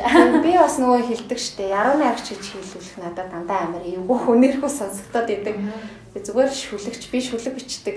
Би шүлэгч охин шүлэгч эмэгтэй гэвэл надад бараг илүү яруу сонсогдоод идэг. Яагаад ч юм. Шүлэг мүлгэнд ер нь нэг тийм амар том холын хитийн зориг морлог тийм юм байх надад жоохон нэг тийм миний өөрийн манал юу юм л та тий. Гэвч одоо яруу найраг шүлгээрээ одоо мундаг юм ингээ хэлдэг. Бас тийм агуу яруу найрагчд одоо байна штэ жишээлбэл тий. А би болохоор жоохон тийм юм биш жахаа нэг жижигхэн мэдрэмжэл нэг тийм яруу найрагч шүлэгч юм болоо да л гэж үздэг шүү дээ. Дээгийгч шүлгүүд бусад тооны шүлгүүдээс бас ингээл өөр л байдаг л та. Төв зөөлөн. Илүү гигийн магадгүй илүү уянгатай. Эсвэл илүү гиглхэн. Тэ. Эсвэл одоо юу гэдгийг эсвэл илүү цагаан Цагаан гэдэг нь цагаан шүлэг гэдэг нь цагаан биш шүү. Цайлхан цагаан нь цагаан гэрэлтэй гэгээтэй гэдэг юм. Бидний хүлийн тухайд дуулж байгаа ч гэсэн цаана заавал гэрэл гэгээ гэрэл гэгээний оч байдаг. Тэгтэл тийм үг хөтөлбөрүүд Угаасаа яаж бичээс тийм юм гарахгүй хүмүүс бас байна шүү дээ тийм юм шиг надад санагддаг. Танд тэгж хэлж байгаа хүмүүс та яг юу гэж боддог вэ? Тэр бол яг хүний өөрийнх нь хувь чанартаас холбоотой байх юм. Би одоо за би гуниг гунигтай шүлгүүчтэй заавал гоёор төсгөр ч юм уу те. Эсвэл би шүлгээрээ заавал гэрлийг магтандуулах ч юм уу. Одоо тэгж зорж бичихгүй тодорхой тэдний тухайн үед байгаа одоо шүлгээр ч гэсэн би тэр бичгтээ хүмүүс ингэдэг бодож бичдэг гэл тэгэл би болохоор зүгээр л тухайн үед яг үнэхээр бичмээр бол ингээл цаасан дээр асгаал өнгөрөх ч юм уу. Тэгэл яг биччихдэг. Яг нь миний өссөн одоо ах уу ч юм уу нэг хөдөөгөө сайхан хангаад өссөн тий 90-ад оны нийгмийн шилжилтийн ядуу тарчиг гачаахан тийм амьдралыг яг л үеийнхнийхээ адилд аваад туулаад өнгөрсөн. Гих мэт олон юм нөхцөлддөг байх. Сайхан байгаль сайхан аав тэгээ сайхан хүмүүс. Одоо юу гэдгийг уншиж харж одоо хүсэж тэмүүлж өсөж үндэсэн юм маань өөрөө тийм. Наана жахан гониглангуй юм шиг боловч цаанаа үргэлж тийм сайн сайхан юм ингэж идэг цаанаа өөдрөгч юм уу тийм ч хүн юм уу. Сүүлд бас нэг яруу найрагч дүү надад хэлсэн. Таны нэг шүлгүүдийг уншихаар ямар нэг сайхан юм хиймээр ч юм шиг ямар нэг сайн сайхан юмд итгэмээр ч юм шиг ямар нэгэн байдлаар айгүй тийм сайн сайхан явах ёстой ч юм шиг тэг санагдаад байдаг гэд нэг хоёр шүлгэж хүртэл би хадгалсан гэдэг нэг хоёр шүлэг мүлгийн манадаа харуулчихсан тэгээд яг нь ер нь тэгж хэлээд идэг. Ялангуяа дүүнер энэ айгүй их тэгж хэлдэг. Тийм ба. Би одоо яг чи бас яг хүнийхээ хувьд ч гэсэн гэгээлэх гэрэлтэй тийм хүн болохоор шүлгүүд нь тэгэж гарч ирэндээ гэж бодод би зүгээр хөвчлөлтөө юм байр л та. Одгарлах. Аа. Яруу найрагч бат чаргалын одгарлаа одоо сайхан яруу найрагч шүү дээ. Тийм. Аа, одгарлах энэтхэг рүү номд явах гад тийм намын мөрөд явсан. Тэгээ явахынхаа өмнө би тийм нөгөө гаргаж өгөх шиг ингээд уулзсан дээ санаж байна. Тэгээд нэг ресторанд ингээд ширээ тайраад адгар лахыг гаргаж өгөхгүй сууж юм чинь. Адгар лах чаавас нөгөө номд явж байгаа хүн. Тэгээд тэр чи одоо ингээл лам болоод одоо тий. Гэгээр л номын мөрийг нэгт ингээ хөөх гэж байгаа хүн. өөдөөс нэг уран зохиол амьдралаа зориулах чиг хүсэлтэй. Идэг дүүнэр ингээ хараас хараас ингээ ахыг ингээ амын ингээ дагуулж хараа гэж бишрээд ингээ сууцсан тэгээ тэр хүн чинь бодно штэ тий.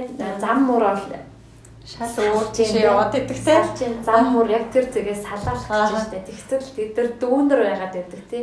Ах хүний өөд чинь тий. Тэгэнгүүт хөөх юм сургаал хэлж байгаа юм л да тий. Захиас ч гэдэг юм уу тий. За миний дүүнэр хүнд нөгөл битгий уйл дээрээ гэж тий. Тэгсэн чинь Тэгсэн чинь нөгөө тэр ширээд тойроор суусан хүмүүс болохоор тэрийг өөр өөрийнхөө шангаар өөр өөрийнхөө одоо нэг агуулгаар тэр үгийг хотгож одоо авч үлдсэн байна гэж. Тэгсэн чинь та болохоор одоо хүнд те бусад хүнд битгий нөгөөл өвөл дээрээ эсээ биш үү гэж тайлбарласан байгаа хгүй. Тайлбарлаж байгаа шүү дээ. Дараа нь ярьж байгаа. Тэгсэн чинь баяраа битээр арай нэг тийм бараан тий байгалийн өвөгдөл арай бараан хүмүүс болохоор за хөнгөн нөгөл өвөлдөж болох юм байна. Хөнгөний бол өвөлдөж болохгүй байна. Тэгсэн Яг бүх хүнд одоо тий альва хүнд бусад хүнд битгий нүгэл үйлдэр гэж ойлгоогүй хүнд хөнгөний тухай ярьж ийн гэж одоо. За хөнгөн нүгэл үйлдэж олно гэсэн. Тэгээд энэ бол зөв хөгжилтэй яриад гэхдээ ингээд энэний цаанаас бид нар хоорондоо ярьжсэн.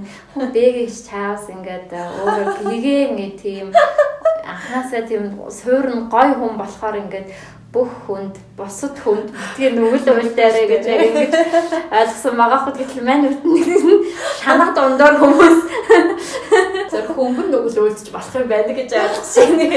Тэр чинь жоохон матрав гисэн байлгүй те. Өө яг өмнөөс тэгж хүн төнгөн тэгж ойлгосон байхгүй. За миний дүү хөнгөний нь бол яг болно гэдэг. Хөнгөний нь бол болно гэсэн штэ цаачиг. Айгу тийм нийттэй юм байдаг. Шүлэг хичээл ингээл анх эхэлж байхад ч юм уу Аа.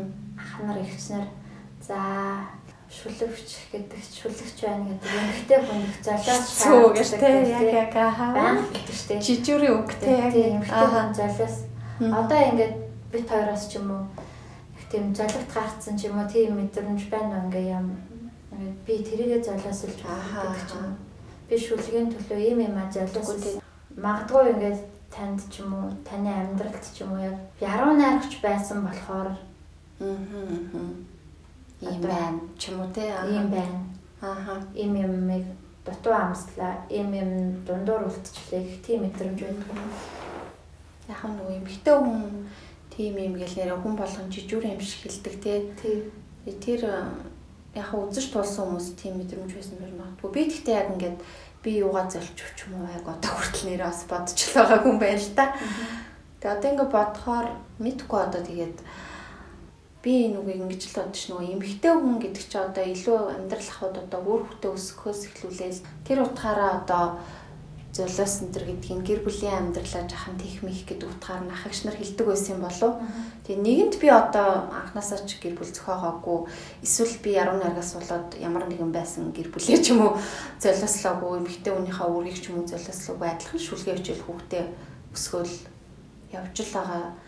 Тэгэхээр одоо яг надад нэг амар одоо яг ингэж ингэж надаас бол золиос гарчиж ч юм уу 18 бичдэг байснараа би ямар нэг юм юм өөр байх байсан юм маань одоо юм байчлаа гэж. Яг үндэ надад бодогдтгүй юм байна. Яг зүгээр шүлэгч байна, яруу найрагч байна гэдэг чинь вэ штэ одоо сэтгэлийн хувьд одоо илүү мэдрэмтгий ч юм уу те? Илүү одоо юмыг гүнзгий мэдэрдэг ч юм уу тийм мэдээж байна те? Түүгээрээ вэ зүгээр илүү юм одоо төвхтэй ч юм уу те? Сэтгэлийнх нь байдлаас үзвэл те? Амархан ингэж догдолч дээсэлдэг ч юм уу тийм байдлаараа л жоохон ялгаатай баг. Мэдээж илүү төлөв төвшин сэтгэлтэй хүмүүс бол илүү дутуу зүйл санаа зовлгүйгээр ингээд амьдрал ахуйгаа аваа явах бах. А бид нар болохоор арай илүү юм нэг юу те ахуй ертөнц байгаагаас гадна ахаад нэг сэтгэлийн арай өөр нэг амьдралаар амьдарч байгаа. Тэр маань л жахан ачаа мачаа болтгүй юм бол одоо би тэрийг бас ачаа гэж харахгүй шүү хийж яваагүй юм чинь тий. Та бол Тэр маань л магадгүй тий харахгүй. таныг амьдралдаа оруулах, таныг одоо юу гэдгийг Аа тий. гэртээ оруулах. Тэр хүн ч юм уу тий. Одоо намайг Аа. гэртээ байлгах. Тий надтай хамт амьдралд Аа. оруулахын хүн хүнд илүү агуулга, илүү багтаамж Тий. Аа тий тэр талаасаа бол тий. баггүй. Магадгүй энэ нэгтэй амьдрал зохиолоо гэхэд одоо ингээд тий. Шүлэг маад агуулгах хэмжээний агуулгатай хүн тий гэж тий, тий. тэр бол үнэн үнэн. Энэ тухай ярьдаг штэ бид нар тий ер нь тий тэр бол бас жоохон яригтай бах тий. Одоо энийг юу гэж хэлмээр байхгүй одоо тий. Таны өмнө бичээ тавьсан юмнууд Тий. одоо Шүүж бичих юмнууд магадгүй. ирээдүйд бичих юмнуудыг чинь тий. Яг ингээд болгоогоод ааха яг зүгээр юм ингээд хажуугаараа аа, хаяа гарч Аа, уурч байгаа болохоор шиг ингээд орчих. Тийм хүн бас их Ховроо, ховроо. ховроо, тий. Тий, Аа, Тэр тэр талаас талаасаа бол залуус биш магадгүй болох юм Одоо та бол энэ дээр ингээ бүх амьдралаа шүү дээ. байхад чинь тий Яаж дурлаж байсан, яаж догдолж байсан, яаж гуниж байсан, яаж гутарч байсан. Дотор байгаа бүх юм гадна гарсан Тий, биш үү, гаргаад тий? тавьсан байгаа тий. Энэ номын хэлбэрт орчино гэдэг чинь эргээд нөгөө таны энэ нууцуудыг ч гэдэг юм уу тий? Эргээд дахиад хүмүүст ингээ хуваалцаад уншина гэсэн үг тий. Үү, тэрийг ингэж болгоож тий Аа, багтаагаад. тэгээд тэрийг ингээд тэрийг ингээ амьдралдаа байлгаж тий. Ямар нэгэн байдлаар коммент хийхгүй шүүхгүй тий ингээд багтаачих хүн байна гэдэг чинь эрэгтэй хүнд ч тий эрэгтэй яруу найрагч тань болж байгаа эмэгтэй хүн ч. Тий эрэгтэй яруу найрагч хүн ч эрэгтэй хүн ялгаагүй. Эрэл там багтаамжтай хүн л хийх ажил гэж. Ажил гэн хийх ажил. Хийх ажил. Энэ бол тий тий тэр утгаараа бол тийм баг баг утгаараа бас тийм том тий. байж магадгүй гэж би боддог тийм. Тэгээ дамаа наш шиг ингээд айгу э, өөрийнхөө хувийнхаа юу гаргаж бичдэг хүнд чинь нөө.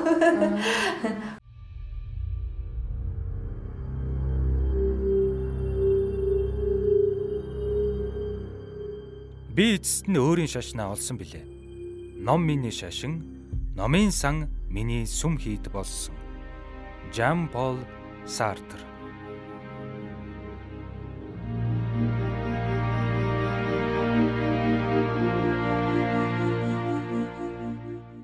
Таны дуртай яруу найрагч юм. Би ч одоо нэг хэсэг дорж дамбын бат тогтох их дуртай авлаа. Одоо цаг цагт бас хүний дуртай арга наригчд өөрчлөгддөг юм байна шүү дээ тий. Одоо жишээ нь Монголоос бол одоо аюур зан зохиолчийг залуудаа одоо жоохон хүүхэд байхдаа нэг уншдаггүй магадгүй ихнэрийг нь илүү уншдаг ч юм уу тий. Үл зэтгэсгчийг илүү уншдагсан бол аюур зан яруу наригчийн шүлгүүдийг унших айгүй сайхан. Яаж гараад ирэхээ тэгээд оюун чимэг ихч байна. Оюун чимэгчийг анх ингээд нэг танилцаад номоо өгт нь би нөгөө очирдуулын бичглийг авч хараад сөхөл уншсан чинь баргийн шүлгийг ойлгохгүй. Хөөх, ёстой нөгөө түрүү ярьж исэн шиг орчуулгын чимшиг шүлгүүд чимшиг те. Тэгж бодоод айгүй урт урт шүлгүүд энэ төр бичдэг. Тэгэл өнгөрчсөн. Одоо болохоор хаяа бүр нэг айхтар гансарч барихаар оюуны агчийн шүлгүүдийг аваад уншихаар сайхан ч юм уу те. Тэгэл үеийнхнаасаа болохоор одоо элбэгийн шүлгүүдийг аягүй уншдаг ч юм уу тий. Элбэг төгсөн. Тийм заримдаа нэг гоё ирмэг ийм гоё хүүг хаахаараа баяраг барьж аваад уншдаг ч юм уу тий. Гэтэ бас ямар ч үед нэг өндөрт байж идэг яруу найрагчд бас байна. Банжаргалын од гэрэл ах мах тийм ээ. Гэх мэтчлэн тэгээл аюур зам галсан сүх хахын шүлгүүд бас дуртай ах жишээний тий. Тухай тухай мөчтөл дуртай яруу найрагчд ингэж гарч ирдэг юм шиг байна. Өөрөм чинь шүлгүүдээс та өөрөө агуу хамгийн их тоодог шүлгээ би тэдэд уншиж өгч. За та хайж тэр хооронд би юм Аа. Аа одоо бидний амьдарч байгаа цаг үе шүү дээ тий. Энэ технологийн энэ айгу капиталист даяаршил ийм цаг үед шүлгэж байна гэдэг нь ямар ойлголт юм бэ тий. Харин тий. Аа. Би ингэж бодоод идэв шин ингээд нэг зарим үедээ ингээд яг энэ цаг үеэс амар дотор нь амьдраад байгаа юм амар хоцрогдсон юм шиг. Технологийн хөгжилтэй ч юм уу жишээлбэл хөл нийлүүлээ гээд ч үнэхээр заримдаа гүцэхгүй ч ах шиг тий. Тийм гот доод үеийн дүүнэрийнхаа яаж бүхэл талаар ингэж хөгжиж байгаа яаж өөрөө өөрсдийнхөө чадварыг багасаа эрт таньж хөгжүүлж байгаа тэр бүхэн ингээл миний ажгаар урсаалаа аав шиг санагдаад байт. Дунд нь би гэдэг хүнийг шүлэг уншиж өг үсэг бид нар чи ингэж нэг тогтонгошсон юм шиг нэг юм хүн байгаад идэг те. Магадгүй цаг үеэ яг ийм цаг үед уг амар сонирхолтой яруу найрагч бас байж болох юм шиг те. Ер нь энэ цаг үед шүл яруу найраг сонирхоод бичиж гэдэг одоо зөрчилтэй ч юм уу те. Магадгүй илүү өөр юм чухал гэж бодлоо шүү дээ те. Яа тэгвэл яруу найраг гэдэг ч одоо ингээд хүний сэтгэлийг л хөгжүүлэх те чиний сэтгэл цэвэр тунгалаг булгийн ус шиг бол түүгээр нь авч үлдэх тийм л урлаг. Тэгсэн чинь нөгөө цаг үе чинь тийм булаг шиг тунгалаг байгаад амьдрахад айгүй хэцүү. Яг үндэ тиймэрээ туулж харахад маш хэцүү адармата тийм цаг үед. Амьдарч гинудаа л гэж боддог тий. Аа түргэн урсгалтай үерийн үерлсэн гол гол авчдаг өнгөрч, дунд нь би нэг тогтоохон нэг юм байгаад тахаар бас тэр түүгээрээ жахан зөрчилтэй ч юм уу тийг санагддаг санагддаг хаяа тийм мэдрэмж төрдөг тийм л юм байна да шүлгээ уншия. Бодоод байсан чи тий. Ямар гонхтой бүр юу Юу вэ харин.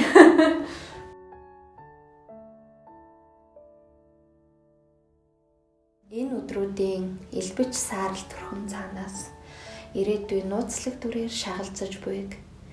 Инээмсэглсэн уруулын хэлбэр урсгасан нулимсны мөр. Энэ үгсийг бичиж суугаа гар хуруудын минь нэлж Өмнө хотын годомжинд ирэх хавар надад үзэгдэх учиртай тэрэл ирвэхэн төв тунгалаг далинд барлагдан үлдхийг тунгааж байна би. Хэнийг ч ахиж шимширтлийн санахгүйгээ.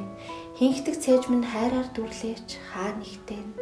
Хүнд ч зориулагдахгүй хоосон зай байгаад л байхыг тэнд л миний ороолсон гуниг тоос болж буухыг. Дальж үүртэй нулимсны мөр хурууны хээтэй даан чүчүүхэн өнөө ирвэхий. Цэнхэртэн тунрах тэрэл зайцыг.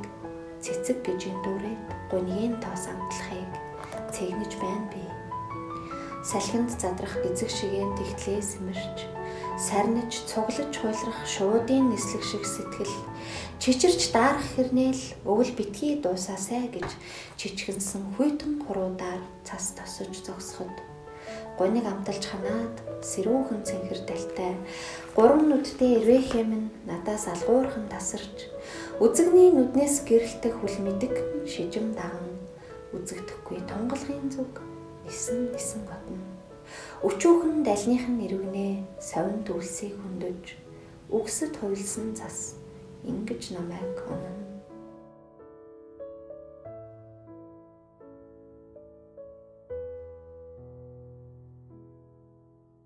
Энэ одоо нэг тийм шүлэгч байхын тухай л шүлэг юм шиг байгаа. Шүлэгч байх гэснээр зарим хүн одоо би энэс хойш шүлэг бичихгүй Ааха. гэл тунхагладаг шүү дээ. Тий. Одоо би энэ яруу найргийн карьер Дууслаа гэлөө. Ааха. Тэгж болд юм уу? Мэдгүй би ч гэсэн нэг зүгээр тэгж бодож исэн. Гэтэ тэр нэг нийтээ зүгээр л за за одоо ер нь шүлэг мүлэг бичээ байлаа. Арай өөр юм зориулсан үргэлжлсэн үгээр бичиж юм уу те. Тэгээ зүгээр тэр би өөрөө бодсноор болчтгүй юм шиг байлээ л те. Тэгээ би тунхаглаагүйгээр зүгээр нэг өөртөө л тэгж бодож исэн. Яа тэгэхээр нэг хэсэг нөгөө шүлэг энтер уншаал нөгөө шүлэг гэдэг чи одоо ингээд өөрөө бичих байтгаа өөрөөлийн шүлгийг ч гэсэн ингээл амар гүндээ ортол мэдрээл уншихаар чи сэтгэл санаа гэдэг чинь тэр уншсан юм а дагаал те хөгжим сонсоход ч гэсэн хүний сэтгэл тэр сонсож байгаа хөгжмөө дагаад ингээ хөглөгдөн ш. Түн шиг хөгжмөөс ч илүү одоо үгээр үгэнд ингэж сэтгэл илүү яадаг хүний хувьд бол нөө байнга шүлэг уншиж ингэж сэтгэл санаагаа ингэж уйлзүүлж те байнга юм нэг өөр төлөвт байх чинь заримдаа зайлуул нэг амьдрах гэж явах тэр юутай маань зөрчилдөд хаар өөрт жоохон үе үе тэртэй төвөгтэй санагдаад тэр мэдрэмжээ нөгөө хүчээр ингэж боомлох бод тий. Хэцүү байхад хүүхдээ өсөхгүй л цалин цавны төлөө явж хахад тийм юмд ингэж сэтгэлээ хажуугаар нь үрж тийм сэтгэлтэй мөртлөө ингээ гэхээр заримдаа тэрэндээ амир зөрчилдөж одоо бүр ядрах ч юм уу те нэг тийм мэдрэмж төрнөд нэг тийм үедээ яг тэгж бодож исэн. Тэгээд Тэгэл яг ингээд бодоод за болчий гэж болонгууд бас сэтгэл зүрэ амарч чадах үгүй харин тэгсэн чинь би амар одоо тийм яруу найрагч хүлгэж байх гэж хичээгээгүй ч гэсэн аяндаа тэгээд байж чадахгүй. Ямар нэгэн байдлаар тэгж бодсон мөртлөө удалгүй л дараах нь нэг сэтгэл жаахан өмөрөхөд ном өсөхөд уншдаг ч юм уу. Аль хэзээний нэг юм ирээлээд орчихсан байх жишээ те. Дотоод тэнгисээр ингээ хоёр номтойгоо ингээл ер нь ном бом гаргаж жаах те одоо ингээл над шиг өөрийгөө л удалж идэг хүн ер нь заавал тэрийгэ гаргах чирэг байна уу мань үгүй л би бас яг л гэсэн. Яг хав тэгсэн чинь бас гаднаас найз нөхдөж илүү нөлөөлсөн ч гэж магадгүй л да одоо чиний шүлгийг хүлээж ийна ч гэдэг юм уу те. Эсвэл огт хүндлэг танихгүй нэг залуу ч юм уу фэйсбүүкээр орж ирснэ. Хичээ та хизээ шүлгийн номоо гарах бай блогоо яагаад хаацсан бэ ч юм уу. Таныг би юм үедээ уншдаг байлаа. Энтэр гэхээр бас хүн чинь нөгөө бичсэн юмнуудаа тиймэрхүү юмнаас бол балаад ингээд хаагаад тавьсан юм а эргээ харахаар. За за нэрээ бас ингээд яах вэ бичсэн юм чинь нэгэнд бичиж байгаа юм чинь бас болохгүй ч юу ах вэ те а гаргасан хоёр номоос оч түүрлээ ч юм уу шинэ бичсэн юм аа юм битгийч ч юм уу. Ерөөхдөө нэг юм байдлаар бас нэг жижиг төвөрийн битгэж бас болох юм гэх ч юм уу. Нөгөө хүнээс бас жаах юм урам юу эсвэл жаах өдөөгөд та чи нэг ийм хүн шүү дээс сануулга авахаараа нөгөө бодит амьдрал дээрээ шууд буугаад үлдчихгүй. Эргээл заа заа нэрээ ингээд тийм ч болоо гэж бичгээл те. Тэгэл бичсэн ч юм уу те. Тэгээд шүлэг антер гэдэг чинь ингээд би бичихгүй ч юм уу. Эсвэл би яг энийг бичнэ гэж бод биччихдэг юм биш байхад заавалчгүй өөрийгөө одоо ингээд. Яг мундаг айгүй карьертэй хүмүүс эсвэл зоригтойгоор ингээд ямар нэгэн маягцлээ дараагийнхаа шат ингээ орой явдаг байж болно л та. Би болохоор заавал тэг шаардлагагүй юм. Одоо амьдралын югаарч юм уу давлгаанд нэг өртгөөрөө ч юм уу хэсэг тэгж бодож исэн үе надад бас гарч ирсэн. За бараг нэг ингэж өөрийгөө л удалж хаар илүү сайн уншигч байгаад те тэгээ явсан ба зүг ч юм уу ч юм уу тийм үедээ зөндөө л тулгарч исэн дөө. Зөндөө ч яг 2 3 ч удаа тэгж бодож л исэн. Тий. Бид таар түрэн ингэж ингэж бичвэл шүлэг ингээд бичих салаадаг гэж нэг үг хэлсэн шүү дээ. Шүлэг бичих доторх байгаа уудлаад гадах цаасан дээр гаргах гэдэг сэтгэл санааны хувьд ч юм уу ямар нэгэн тийм сулрал чөлөөлөлт өгдөггүй ер. Одоо юу гэдэг нэг терапи тий. Сэтгэл заслын тийм нөлөө үзүүлдэггүй ер нь бичиж байгаа юм тийм. Ер нь бол хамгийн бодтой өөрт үзүүлдэг нөлөө нь ер нь тэр баха. Хүн ер нь ямар нэг сэтгэл дотор байгаа юм хүн чинь ингэж гаргаж сулж явах хэрэгтэй шүү дээ. Одоо хадгалж богшож явснаасаа стресс, депресс, сэтгэл готролд ордог ч юм уу. Яг түүнтэй адилхан жишээ нь надад зол болж нэг бичих жахаа чадвар чадвар дадал үйл ялэг авьяас заяатсан байна те.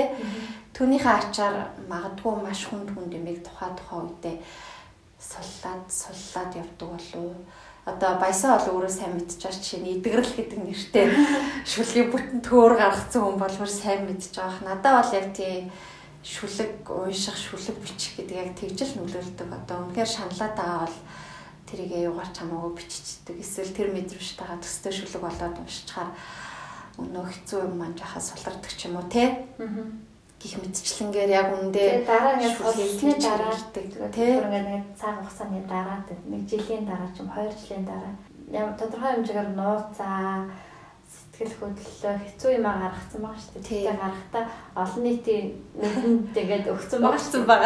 Тэнгүүд аа нэгээ би дэмий хэлж энэ энэ юм а би хүмүүст дэмий үзүүл гэж бодогдох үе байдгүй. Бодогдож байгаа юм байна. Аа. Яг зүгээр жаахан сүулт нөгөө муу шүлгэндээ ч юм уу? Жаахан ирчин жаахан муу илэрхийлсэн шүлгэн тий жаахан ирчин тэгснэ. Тэгэхгүй одоо би тэгээд шүлэгч өөрөө нэг тийм штэ. Тэгвэл та штэ тий. Ууших хүмүүс нь л олоод уншиж өөртөө хайргуу тэгснэ яруу найрагтай асар хайртай хүн штэ магадгүй. Би нэрээ тийм юмнаас нэг амар эмзэгэлтгүй штэ. Одоо шүлгээр маань намайг хүн шүүж явах юм уу яах юм уу. Боддгоо. Гэхдээ магадгүй өөрөө шүлгийг чинь бас хүн болгон уншдаггүй ингээд яг унших өмнө л олоод уншдаг ч юм уу хүмүүс нэг ярьдаг нэг ном гэдэг хувь тавилантай одоо шүлэг гэдэг тавилантай ч гэдэг юм уу тэгээд яг тэр шиг яг унших нь яг өөрөө олол уншдаг хаа одоо харамсах ч юм уу зүгээр жишээ нь одоо гэр бүлийнхаа ойр дотн хамаатай садандаа ч юм уу уншуулж барьчаар одоо би тэднэрт ол жишээ нь одоо хамаатай садан одоо ойрын садандаа ном ном жишээ би эзэж ингээд өгдөггүй яа тэгэхээр тэд нар ч одоо ингээд яг түүгээр маань ингээд эсвэл бараг зааж зөвлөх гээд те э, ингэж яах нэмтэй эсвэл ээж маань хүртэл надад хэлсэн чи яа дандаа шаналал бичт юм бэ ч юм уу те. А тиймэрхүү яг хөндлөнгийн тим юу ихээр айгу хэцүү байдаг л та тэгээд яг дээр нь манад ч одоо би ямар нэг амар алдартай ч 18 ч миний шүлгийг маш тодорхой маш цөөхөн хумигдмал хүрээнд уншиж байгаа. Тэгээд тэр хүмүүс нь мэдээж илүү ингээд ойлгож уншиж байгаа. Яруу найраг уншдаг хүмүүс байгаа гэхэр ч одоо тийм л хүрээндээ одоо ихтрхий найдаад ингээ явд юм болов. Тийм тийм нөгөө талаасаа тэгж бодвол зарим шүлхээ хэрэггүй ингүү гэж яг бодож ба магтгүй л дээ. Хит ойр дотны те хамаатаас одоо мад үзэх юм бол яг намайг түүгээр маань. Би тэгс чинь тухайн үе зүгээр ингээд сулаад гаргаал ургацсан маш. Тэрнээс тэр мэдрэмжтэйгээ би үргэлжтэй нэг би гонигтай шүлэг өвчтсөн байлаа гэхэд тухайн үеийн л мэдрэмжтэй яг зарим хүмүүс бол тийм яг түүгээр нь шууд л намайг аа энэ нэг юм л нөхөр гэж авч үзэх гээд идэг ч юм уу те. Тэгэл заавар зөвлөгөө өгөө явцдаг ч юм уу. Тэр тийм юм болж ахаан тий. Төвхтэй байдаг л та тий. За за баярлалаа. Баярлалаа дээгч. Амир дээг ихч гээд ясаргаад байгаа дээ тий. Тэрнээс ш. Одоо үе тэнгийн сайхан яруу найрч өнөөдөр уулзлаа. Шүнийн турш чамаагаа ширтэж хөвтлээ. Шүлэг бичих болов энэ бяцхан гар Бичин гэдэг л жаргал бас төчнөөн зовлон биер барьдаг болвол ээ бас л ялгаагүй. Гэхдээ ээж нь охиноо энэ хөөхөн гараараа гэрэл гэгээ атгаж ирснийг мэддэг. Гэтэлж дав хучиртай зам ороосон бэрх гэрэлтсэн булбраа зүрхийг нь бөхөөж дийлэхгүй итгэдэг. Амьдрал гэж чухам юу болохыг хэрхэн амьдрах тухай амлаад хэлчих үг даанч үгүй ээжт нь Ам халуун хайраас өөр ингээд аваад өгөх юу ч үгүй л ээж нь. Өдрөөр чамгүй бол жаргалгүй шөнөөр шүлэггүй бол нойргүй. Өчөөхөн нэгэн шувуу мэт чиний ээж. Өдөөнч засалгүй яаран нисээд тэнгэрээс олсон эрдэнэ өөдсгөн чийл байлаа өвдөж унахсан үгсэлт